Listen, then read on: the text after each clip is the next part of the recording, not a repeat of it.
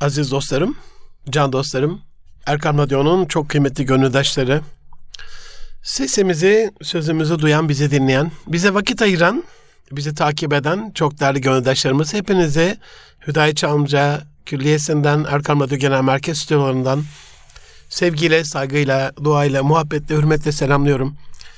Hepinize hayırlı günler diliyorum efendim. Erkam Radyo'dasınız. Münir Arıkan'la Alem Medeniyeti programında 2023'ün 40. programında inşallah size Eylül ve Ekim ayın boyunca söz vermiş olduğum İslam'da izzeti Aile Medeniyeti programına münhasıran Müslüman ailesinde izzet bahşeden unsurlar başlığı altında beyan etmeye gayret edeceğim. Aziz dostlarım, yüreğimiz kan alıyor. Dünyada olan zulüm ve zalimlik, soykırım ve katliam, işkence ve sömürge, Allah Resulü'nün tıpkı hadis-i şerifinde buyurduğu şekliyle başımıza üşüştükleri bir dönemi yaşıyoruz. Dört bir taraftan, dört koldan, yedi düvelin Çanakkale Boğazı'nda gırtlağımıza, boğazımıza saldırması gibi ümmeti Muhammed'in her coğrafyasında dünya atlasını şöyle karşınıza alıp baktığınızda 57 İslam ülkesinin her bir köşesinde çepeçevre onu kuşatan ya da içerisinde düşar kaldığı sıkıntıları, dertleri, çileleri göreceksiniz. Elbette la rahate fi dünya, dünyada rahat yok. Elbette biz sınanıyoruz, deneniyoruz, imtihan halindeyiz. Amenna. Ama sınavı da izzetli bir şekilde vermek e, durumundayız. Ben 100 yılı aşkın bir süredir Filistin topraklarını kan gölüne çeviren, barış diyarı olan Suudi Arabistan Yarımadası'nı kan göl, gölüne çeviren, İsrail zulmü altında inim inim inleyen Müslüman din kardeşlerime sabrı cemil niyaz ediyorum. Şehitlerimize Allah'tan rahmet diliyorum. Gazilerimize acil ya Şafi ismi tecellisinin tecelli ederek şifa yap olmalarını murad ediyorum. O ağır bombardıman altında Birleşmiş Milletlerce kullanılması yasak olan fosfor bombalarıyla, sair diğer envai çeşit bombalarla yanan, vücutları paramparça olan, işkence altında şu anda üstelik hastanenin bile bombalandığı, ambulansların vurulduğu, ilaçların ambargo yüzünden alınamadığı, ağrı kesicilerin olmadığı yerde Kur'an-ı Kerim'den bir sure okuyarak minicik yavruların e, narkozsuz bir şekilde ameliyat edilmeye çalışıldığı, o felaketler yurdunda, o ambargo altında inim inimleyen kardeşlerimize de sabrı cemil niyaz ediyorum. Dualarımız onlarla olsun ama inşallah Rabbim bize izzet lütfeylesin. Sadece dualarımız değil, bil fiil gücümüz ve kuvvetimizle de hani bir kötülük gördüğümüzde onu elimizle, olmadı dilimizle ama en imanı zayıf haliyle kalbimizden buğz ederek bu zulüm, bu işkence, bu katliam kalbimizle buğz ederek geçiştirebileceğimiz bir şey değildir. Tıpkı Rabbim lütfeder inşallah o günleri gösterir. Azeri kardeşlerimizin yurtlarından edilirken 30-35 yıl önce Hocalı katliamıyla, sair katliamlarla Karabağ'ın işgalinde yalın ayak, üstü başı perme perişan bir şekilde yollarda soykırıma uğradıkları, vatanlarının bir vatan parçasının ellerinden alındığı o günlerde de birkaç Ankara'da İstanbul'da nümayişle bunu geçiştirip Turgut Özal rahmetli demişti birkaç bombada yanlışlıkla Ermenistan tarafına düşse ne olur? Ama bedelini feci ödettiler. Özal bunu canıyla ödedi. Kafkaslarla alakalı hala bir muamma ama zehirlenerek öldürüldüğü çok şehit edildiği çok kesin. En azından biz öyle inanıyoruz. Dolayısıyla o dönem konjektür öyleydi. Ama elhamdülillah Rabbim Allah razı olsun Sayın Cumhurbaşkanımızdan Allah razı olsun. Selçuk Bayraktar'dan, Özdemir Bayraktar rahmet olsun. Değerli ağabeyimizden, babasından. Yine aynı şekilde Haluk Bayraktar'dan. Bu ilahi kelimetullah kim hizmet ettiyse tek tek isim sayacak değilim ama Azerbaycan'la alakalı bu iki isim çok önemli olduğu için e, Karabağ'ın yeniden kazanılmasıyla ümmeti Muhammed'in alnının tekrar açık, başının dik, omzunun böyle heybetli bir şekilde aslan kükremesiyle o asil duruşuna yeniden dönmesiyle alakalı e, bize izzet bahşeden Rabbimiz bu iki ismi bize vesile kıldığı için Azerbaycan'da ve diğer mazlum coğrafyalarda da aynı şekilde Allah onlardan razı olsun. Şu anda Karabağ Azerilerin hafta içinde e, Rusya Devlet Başkanı Vladimir Putin'in açıklamalarıyla da Karabağ'ın bir Azeri toprağı olduğu ve Rusya'nın da artık oradan çekileceği, artık gözlemci statüsünde bile olmayacağı aşikar. O da kabul etti ki artık orası bizim Müslüman kendi problemlerini kendisi çözer. Müslüman düşmana gücünü önceden kendi hazırlar. Düşman için bir güç hazırlar. Onunla izzetini korur. Eğer bu güç elinde yoksa Müslüman her zaman zillet ve perişanlık halindedir. Tarih bunu bize böyle göstermiştir. En küçük, en ufak bir taviz verdiğimizde, ihmal gösterdiğimizde, rehavete kapıldığımızda Haçlı zihniyeti bu Anadolu coğrafyasını nasıl kan gölüne çevirdiyse, Endülüs'ü nasıl büyük katliamlarla mahvettiyse, Afrika'da nasıl sömürgelerle, insanlık dışı muamelerle o masum insanları mahvettiyse, dünyanın bütün coğrafyalarında eline geçirdiği gücü, Müslümanların zayıfladığı dönemlerde nasıl aleyhimize insanlık dışı bir barbarlıkla, belhum edal şeklinde kullandıysa, inanın küfür hiçbir zaman değişmez. Aynı şekliyle ümümüze çökmek üzere yanı başımızda bekliyorlardır akbabalar. Onun için güç ve kuvvet sahibi olmak, iktidar sahibi olmak, izzetimizi koruyacak araçlara sahip olmak, izzeti korumanın bir şartıdır. Tek şartı değildir ama o var olan o gücü de kullanacak bir irade ve şuur olması da Müslüman için çok önemlidir. İşte bu anlamda e, Müslüman şahsiyetler üzerinden ailemize izzet kazandıran unsurları büyük mütefekkir Profesör Doktor Cemil Meriç'in kızı Profesör Doktor Ümit Meriç hanımefendinin ağzından annesi Fevziye Hanım'la alakalı, babası e, Cemil Meriç'le alakalı örnekler vererek anlatmıştım geçen program. Profesör Doktor Saadettin Ökten hocamın yine rahmet olsun babası Celalettin Ökten hocamızla alakalı anekdotlarından örnekler vererek anlatmıştım. Mahiriz hocamıza göre İslam'da izzeti ailede nasıl oluyor? Anne babanın bu konudaki rolü ve önemi ve en son izzet deyince Yaman dede demeden o yanan gönlü Allah Resulü'nün aşkıyla yanan Yaman insandan bahsetmeden olur mu diye Yaman deden hayatından da hatıratlarına da örnek vermiştim. Tabi Saadettin Ökten hocamı anınca e, rahmet olsun babası Celalettin Ökten hocamı anmamak olmaz. Onun ümmete kazandırdığı şuurla alakalı, izzete yönlendirmesiyle alakalı bilgiler paylaşmadan olmaz. Celalettin Ökten hocamız Allah gani gani rahmet eylesin 17 Ekim 1951 yılında İmam Hatip olarak açılan İstanbul İmam Hatip Okulu'nun ilk müdürü oluyor. Türkiye'nin dini, ilmi, entelektüel, kültürel, sosyal hayatında çok önemli bir yeri olan ve tek parti döneminin o cinnet döneminde e, Müslümanların inim inim belli zulümler altında inlediği o baskı döneminden çıkışta gerçekten hem iktisadi hem sosyal hem içtimai hem dini hem milli hem manevi bütün hayatımızı e, topyekun etkileyen ve bu hayatın içerisinde çok önemli bir ağırlığı olan İmam Hatip okullarını kurması fikrinin de ilk sahibi olması hasebiyle İmam neslinden bizler gibi o okulların e, mensuplarından, mezunlarından, muhibbanlarından bir rahmet inşallah programın sonunda okumamız gereken bir şanstır.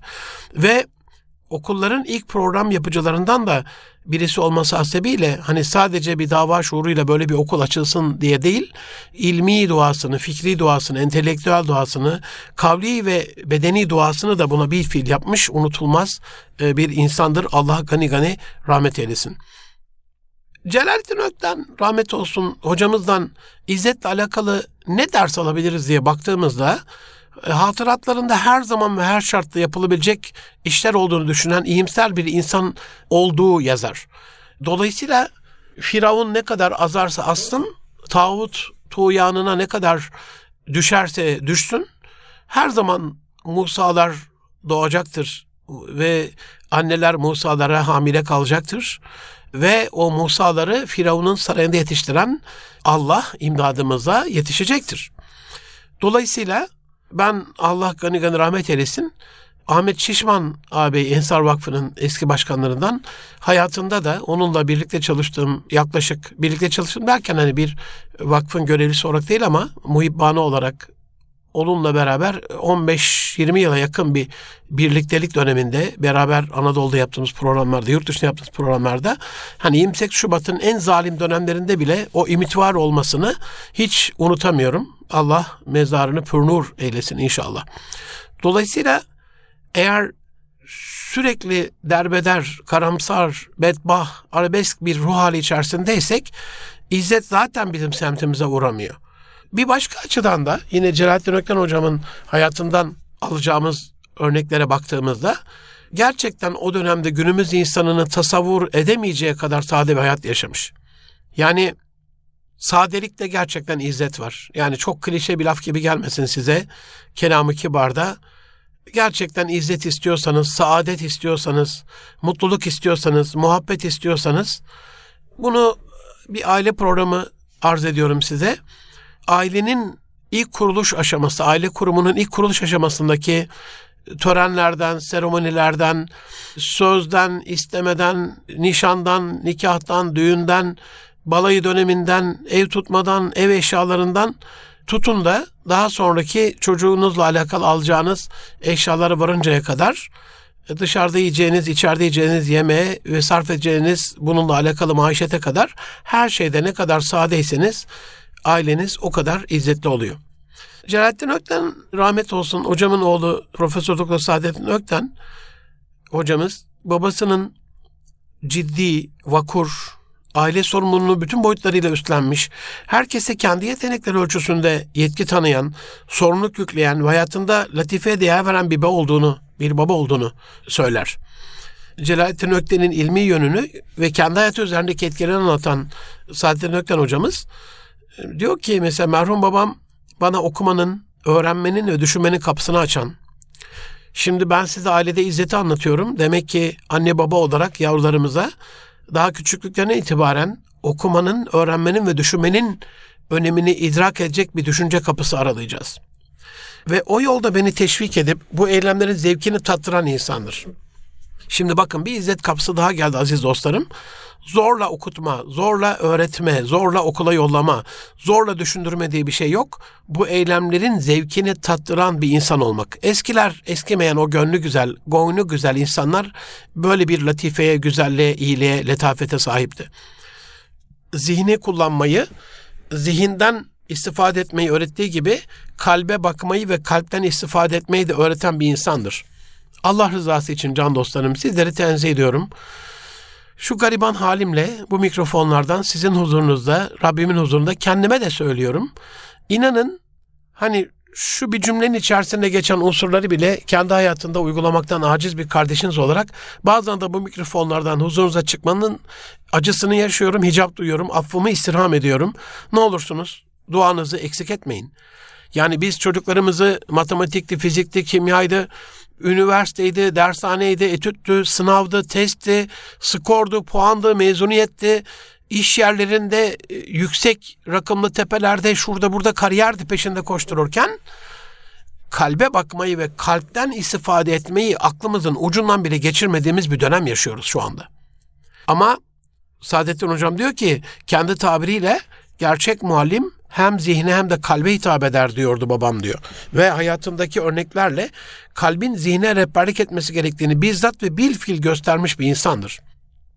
Son dönemde ben aziz dostlarım nöromarketing üzerine biraz kafa yoran bir kardeşinizim. Nöro pazarlama diye de geçiyor. Nöromarketing. Pazarlamanın insan bedeninde, beyninde, moleküler yapısındaki dış dünya ile alakalı algılarına ya da o algıların kendi beynine, nöronlarına, vücuduna, bedenine etkisiyle alakalı bunu inceleyen bir bilim dalı ve nöromarketing en sonunda pazarlamada belki yüzde 80-85 bilinçaltıyla davrandığımızı ve bilinçaltına etki eden unsurlara bakmadan yani işin manevi boyutuna bakmadan maddi unsurları e, incelemenin bize çok büyük bir fayda veremeyeceğini ortaya koydu. Ve buradan yola çıkarak kalbin zihne rehberlik etmesi. Bize hep ne öğretildi? Yani duygularını bu işe karıştırma, kalbin burada bir önemi yok, kalbini dinleme, kalbinin sesine bakma, aklını kullan, akılcı ol, akıl, akıl, akıl. Elbette akıl çok önemli. Önemli olmasaydı 568 ayet-i kerimede Rabbimiz akılla alakalı bize düşünmez misiniz, akletmez misiniz, ibret almaz mısınız diye buyurmazdı.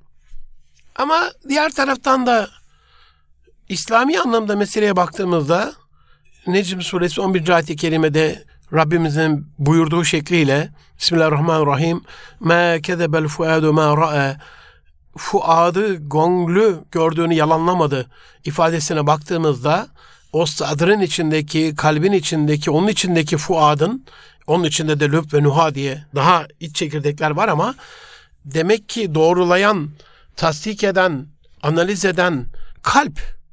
Biz dolayısıyla belki düşünmeyi kalbe öğretirsek bu anlamda ailemizde bir saadet, ülkemizde bir saadet olacak. Kalbin zihne rehberlik etmesi gerektiğini işte koskoca Celalettin Ökten yok yere, boş yere Celalettin Ökten olmuyor. Onu yetiştirdiği insan boş yere Saadettin Ökten olmuyor aziz dostlarım. Bu anlamda Allah rızası için hani kalbe de odaklanmayı, zihni kullanmayı ve zihinden istifade etmeyi öğrettiği gibi kalbe bakmayı ve kalbi kullanmayı, kalpten istifade etmeyi de çocuklarımıza, eşimize öğretmemiz gerekiyor. Kalbin o letafetinden, yumuşaklığından, hilminden, nezaketinden nasiplenmemiz gerekiyor. Ve bunu bana yani kalbin zihne rehberlik etmesi gerektiğini bizzat ve bilfil göstermiş bir insandır diyor. İşte buyurun size evladına izzet nakşeden bir baba örneği. Babamın ismini karneye Celalettin şeklinde yazmıştım. Karneye baktı ve bana bir soru sordu. Ben dinsiz Celal miyim? Sorudan hiçbir şey anlamadığım için cevap veremedim diyor. Saadettin Hocam. Daha doğrusu bu soru ile imzalayamayacağı karne arasında bir bağlantı kuramamıştım. Sonra biraz daha ciddileşerek soruyu tekrarladı. Ben dinsiz Celal miyim? Ve biraz daha sıkman açıkladı. Benim adım Celalettin değil Celaleddin'dir. Ben dinin celaliyim diye konuştu. Yani orada da hani ismin bile içerisindeki izzeti kelime manası itibariyle bile açıklayan, küçücük bir detaya bile önem veren ve size o küçücük gibi görünen şeylerin aslında eşyanın hakikatini, insanın fırsatını nasıl büyük yaralar açarak değiştirdiğini ispat eden bir baba. Merhum pederim diyor hiçbir zaman kendi varlığını ön plana çıkartarak ben şöyle diyorum, benim görüşüm şudur, benim iddiam şöyledir demiyordu. Bize resmettiği dünya sözleriyle ve eylemleriyle çizdiği hayat hep İslam medeniyetinin büyüklerine yaptığı atıflarla bezenmiş ve şekillenmişti. Aziz dostlarım, kusurumu, hatamı, günahımı İkrar ediyorum zaten. Zaman zaman sizinle paylaşıyorum. Kusura bakmayın diyorum. Bu programı yapacak kişi ben değilim ama böyle istendi. Allah'ın da bir lütfu olsa gerek. Sizin de duanızı almaya vesile olur. İnşallah benim de kendimi değiştirmeme dualarınız vesile olur diye haddim olmayarak çıktığım şu mikrofonlarda bazen de yapabildiğim bazı güzellikleri söylüyorum. Acizane ben de Celalettin Ökten Hoca'nın yolundayım. Ben de yavrularımla alakalı resmettiğim hayatta ben böyle istiyorum, ben şöyle istiyorum, bana göre böyle yapacaksınız değil. İstişare ettiğim büyüklerimi, kanaat önderlerini, üstadlarımızı öne sürerek, yavrularımı, ailemi onlarla tanıştırarak, hayatın böyle böyle çok dönem beşlerinde, zorlu yokuşlarında, yol ayrımlarında onlardan aldığım e, istişari fetvaların sonucuna göre ya da direkt yavrularımı onlarla o büyük insanlarla muhatap ederek e, yapamadığım durumlarda da İslam'da nasıl olması gerektiği ile ilgili bir profil ortaya koyarak işin içerisinden çıkmaya gayret etmiş bir kardeşinizim. Ne olursunuz bencillik, bendecilik e, yapmayalım.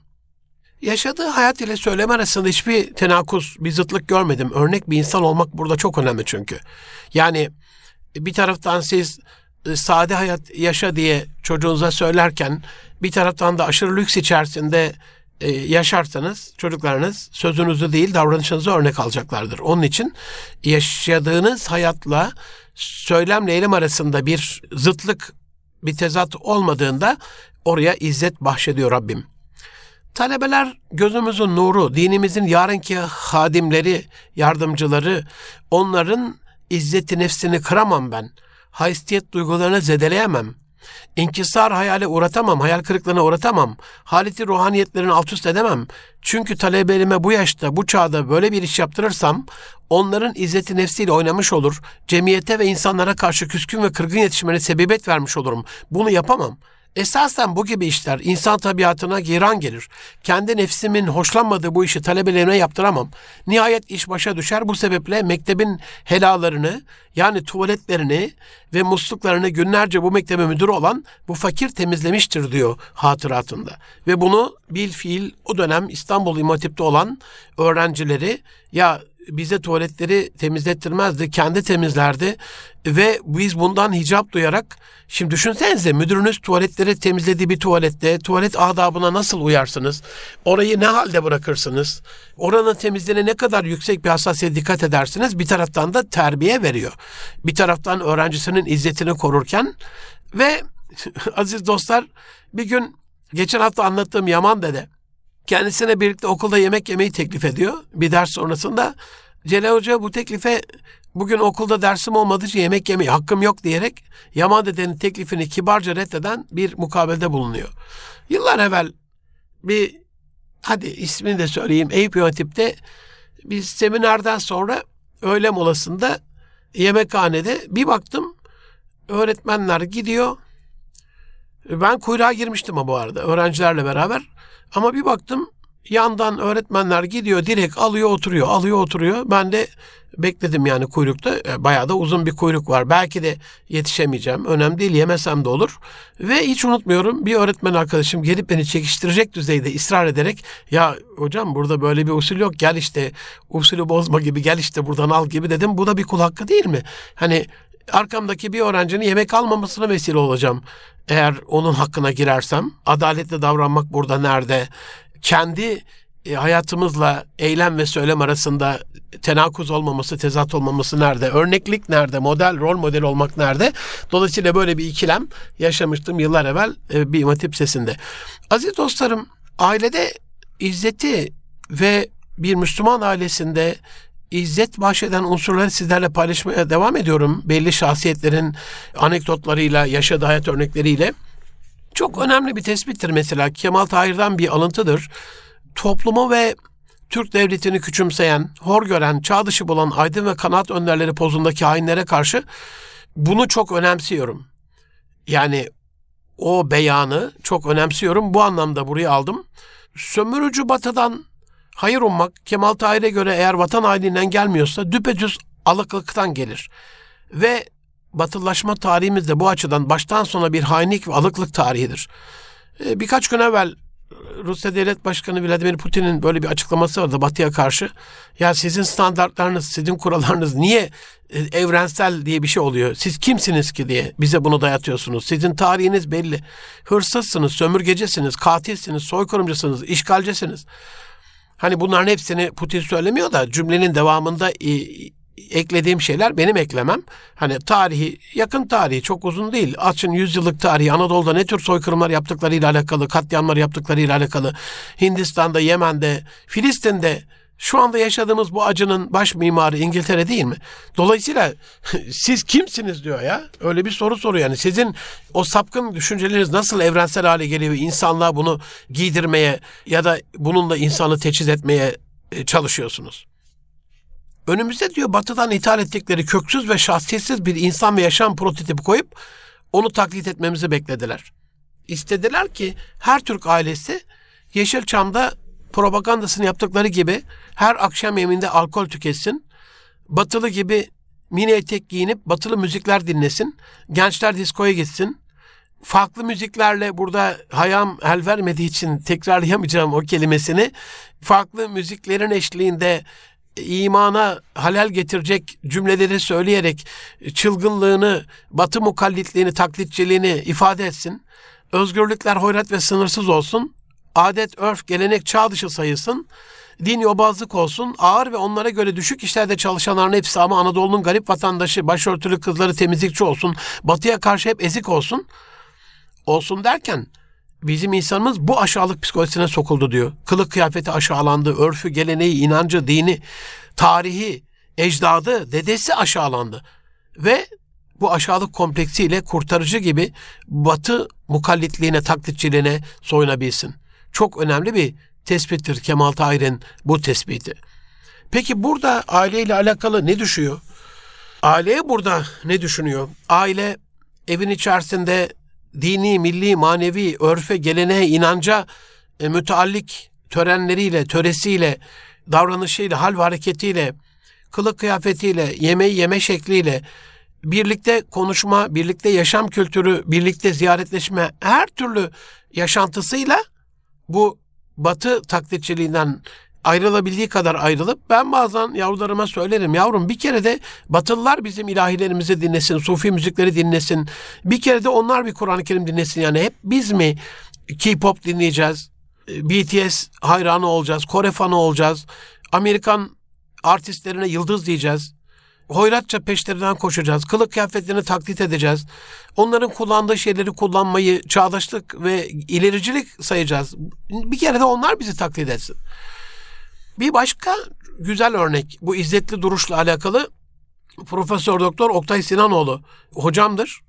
Ee, Türk Einstein olarak bilinen merhum Profesör Doktor Oktay Sinanoğlu katıldığı bir televizyon programında bu tipleri şöyle özetlemişti. Bir milleti yaşatan kendi gelenekleri binlerce yıllık gelmiş süzme süzme kültürüdür. Kültür Hakkari'de bale gösterisi yapmak demek değildir. Kültür arada bir konsere gidip hava atmak demek de değildir. Çağdaşlık modanın ara sokaklarında köpek gezdirmek değildir. Bizde böyle sahte çağdaş, sahte aydın bir sınıf yetiştirildi. Bizde demeyeyim, her sömürgede böyle sahte çağdaş ve aydın sınıfı yetiştirmiştir Batı. Ve bunlar kendi kültürlerinden, kendi tarihlerinden, kendi inançlarından, kendi milletlerinden ve halkından kopuk. Aslında kendi kendinden tiksinen, kendi kültürüne yabancı ama arada halkçılık edebiyatı yapan tipler yetişmiştir. Ve Türkiye'nin başına da bunlar bela edilmiştir demişti bir televizyon programında. Çok değil daha 10-15 sene evvel. Karşılaştığımız bütün sorunların kökeninde bilinçsizlik, aşağılık duygusu ve kimliksizlik yeter. Bir taraftan da ben bir parantez açıp Oktay Sinanoğlu hocamın bu beyanında az evvel Celalettin Ökten hocamın o üçlemesinde söylediği gibi eğer biz yavrularımıza düşünmeyi öğreteceksek onlara okumanın, öğrenmenin, düşünmenin zevkini tattıracaksak bir taraftan da bu bilinçsizlik aşağılık duygusu ve kimliksizlikten sıyrılmamız gerekiyor. Dolayısıyla bilinçli bir aile modeli ortaya koymamız gerekiyor. Aşağılık duygusunu yenen çocuklar yetiştirmemiz gerekiyor. Kimliksizlikten belli bir kimliğe sahip ve bu kimliğiyle gurur duyan bir nesil ortaya koymamız gerekiyor. Bu nesli ihya etmemiz gerekiyor. Diyor ki Oktay Hocam, aşağılık duygusu önce konuştuğun dili inkarla başlar. Dil kimliktir. Kimliğini inkar, yok oluş kararındır. Sen yok olmayı kabul ettiğinde Batı senin var olmanı ister mi? Dolayısıyla Batı'nın bütün, bütün mücadelesi zaten senin yokluğun üzerine kurulu. Aziz dostlarım, yani Oktay Hocam'ın bu cümlesini inanın bütün okulların girişine yazmak lazım. Bütün vatandaşlarımızın, bütün gençlerimizin, bütün yavrularımızın anaokulundan itibaren ürünlerini kullandığınız, peşinden koşmayı, medeniyet, uygarlık, ilericilik sandığınız Batı'nın bütün mücadelesi bilin ki Haçlı seferleriyle bir zamanlar nasıl bu coğrafyayı yok etmeye çalıştıysa senin yokluğun üzerine kurulu. Uyan evladım diye yazmak lazım bunu. Haçlı zihniyetini unutturdular bu millete. Yalan da söylemiyor. Kutul Amare'yi Recep Tayyip Erdoğan sayesinde kutlamaya başladık. Hani böyle programı çok da siyasileştirmek istemiyorum ama hani iyi de de öldürmeyelim, hakkını da tevdi edelim Sayın Cumhurbaşkanımıza kitaplarımızdan çıkarttırmış zaferlerimizi. Bir düşman düşünün, dilini değiştirmişsin. Dinini yasaklamışsın. Anayasadan din kavramını çıkartmışsın. Kıyafeti yasaklamışsın. Dilini değiştirmişsin. Yahu bunun daha ötesi var mı yani? Haçlı zihniyetini unuturlar bu millete diyor. Düşmanını tanımamak en büyük ahmaklıktır. Düşmanın dilini öğrenmeden onunla mücadele edemezsin. Ama eğitim dilini düşmanın diliyle ile yaparsan düşmana köle olursun.'' Yani yabancı dil eğitimine evet, yabancı dilde eğitime hayır derdi Oktay Sinanoğlu. Çünkü onun diline bağımlı olacağımızı görmüştü. O dil de seni ileriye götürmez. Türkiye son 50 yıldır aşağılık duygusuyla yaşadığı için hızla sömürgeleşmeye doğru gidiyor. Türkiye son 50 yıldır aşağılık duygusuyla yaşadığı için bu sömürgeleşmeden kurtulamıyor. Kurtulmak istiyorsak dilimizi değiştirmemiz lazım. Zaman zaman aile programında söylerim. Bununla alakalı Harvard'ın yaptığı bir araştırma var. Amerika'da yine yeri gelmişken ifade etmek isterim, söylemek isterim aziz dostlarım. Çok böyle iyi aile kızlarının gayet de zenginler, üst tabakadalar, hiçbir sıkıntıları yok falan.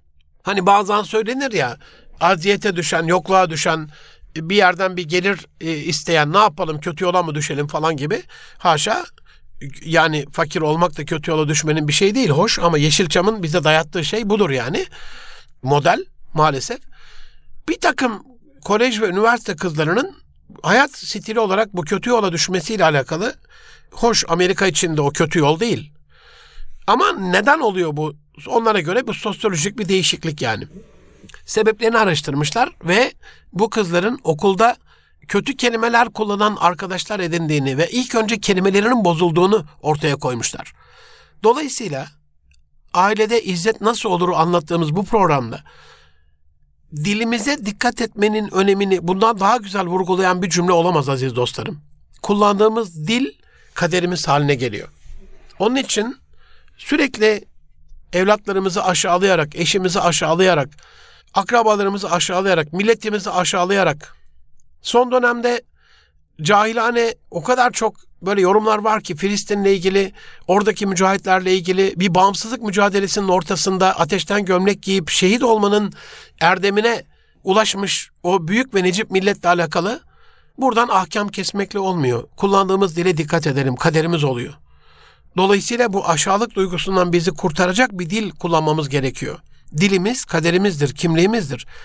Dil diyor milleti yüzdüren gemidir. Oktay Sinanoğlu. Milletlerin kimliği, kişiliği, geleneği, her şeyini taşıyan dilidir. İnancın, hissiyatın, felsefenin, sanatın, fikrin hepsi de o dile bağlıdır.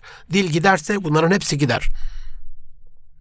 Oktay Sinanoğlu'nun bu cümlelerini İslam'ın dile kelimut tayyibe diye, el kelimut tayyib, kavle leyin, kavle husne, güzel isim takma, iyi lakap, iyi isim koyma, iyi hitap etme, bağıra çağıra, yüksek sesli merkeplerin sesini hor hakir görüp bundan bizi sakındırdığı için daha böyle bir kadife sesle konuşmakla alakalı bunu tavsiye ettiği için İslam'ın da bu unsura ya da bu unsurlara dikkat çekmesini, önem vermesini bununla meczederek, birleştirerek daha derin tefekkür etmek zorundayız aziz dostlarım.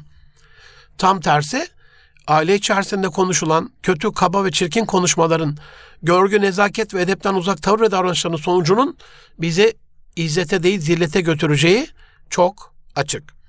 Can dostlarım, bir başka örnek Profesör Doktor rahmet olsun Teoman Duralı hocamın izzetli hayatı. Rahmetli Teoman Duralı'nın bütün hayatını etkileyen kişinin annesi Hilda Hanım olduğu ortada. Hatıratlarından onu görüyoruz, beyanlarından onu görüyoruz. Çok büyük bir önem veriyor e, annesi Hilda Hanım'a. Hilda Hanım asker disiplin, ödev ahlakı ve protestan değerlerine sıkı sıkı bağlı yetişmiş klasik bir Alman.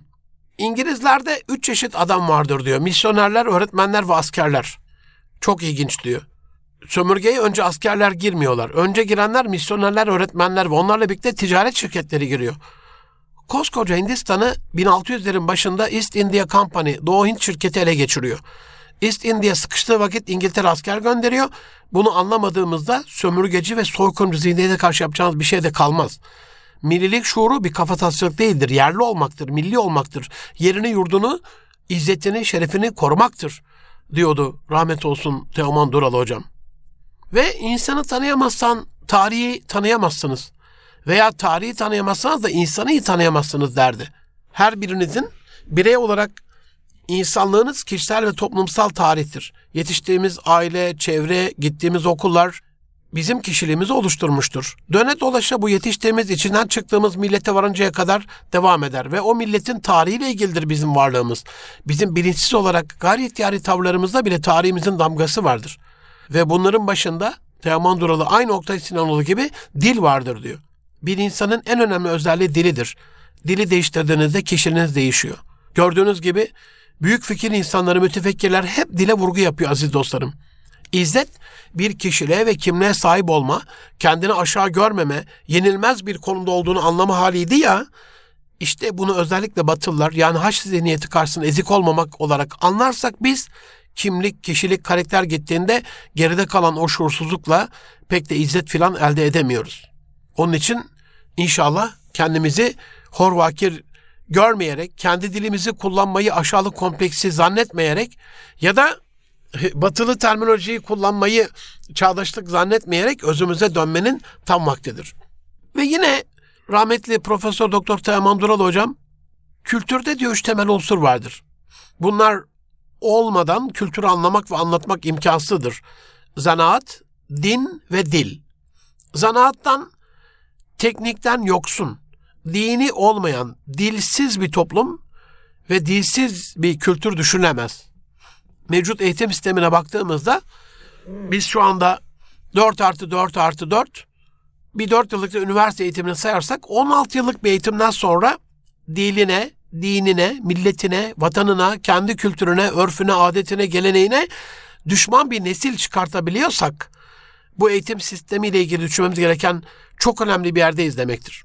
Zanaattan yoksun, bir şey üretemeyen, estetik zevki olmayan, bir eser ortaya koyamayan, bağımlı, üstüne üstlük mezuniyetten sonra bile ne iş yapacağına kani gelememiş bir nesil nasıl izzet sahibi olacak aziz dostlarım?